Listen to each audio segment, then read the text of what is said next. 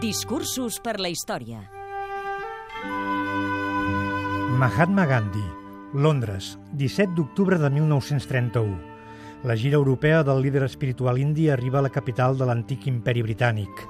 Allà Gandhi pronuncia un discurs on, entre altres coses, diu Exercir la fe serà el més segur allà on hi hagi una clara determinació de rebutjar tot el que és contrari a la veritat i l'amor.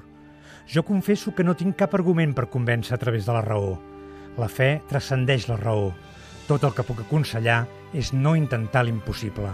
Exercise of faith will be the safest where there is a clear determination summarily to reject all that is contrary to truth and love. I confess that I have no argument to convince through reason. Faith transcends reason.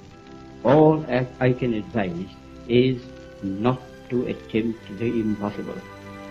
Gandhi va morir assassinat l'any 1948. Havia estat nominat cinc vegades pel Premi Nobel de la Pau. Mai li van atorgar el guardó.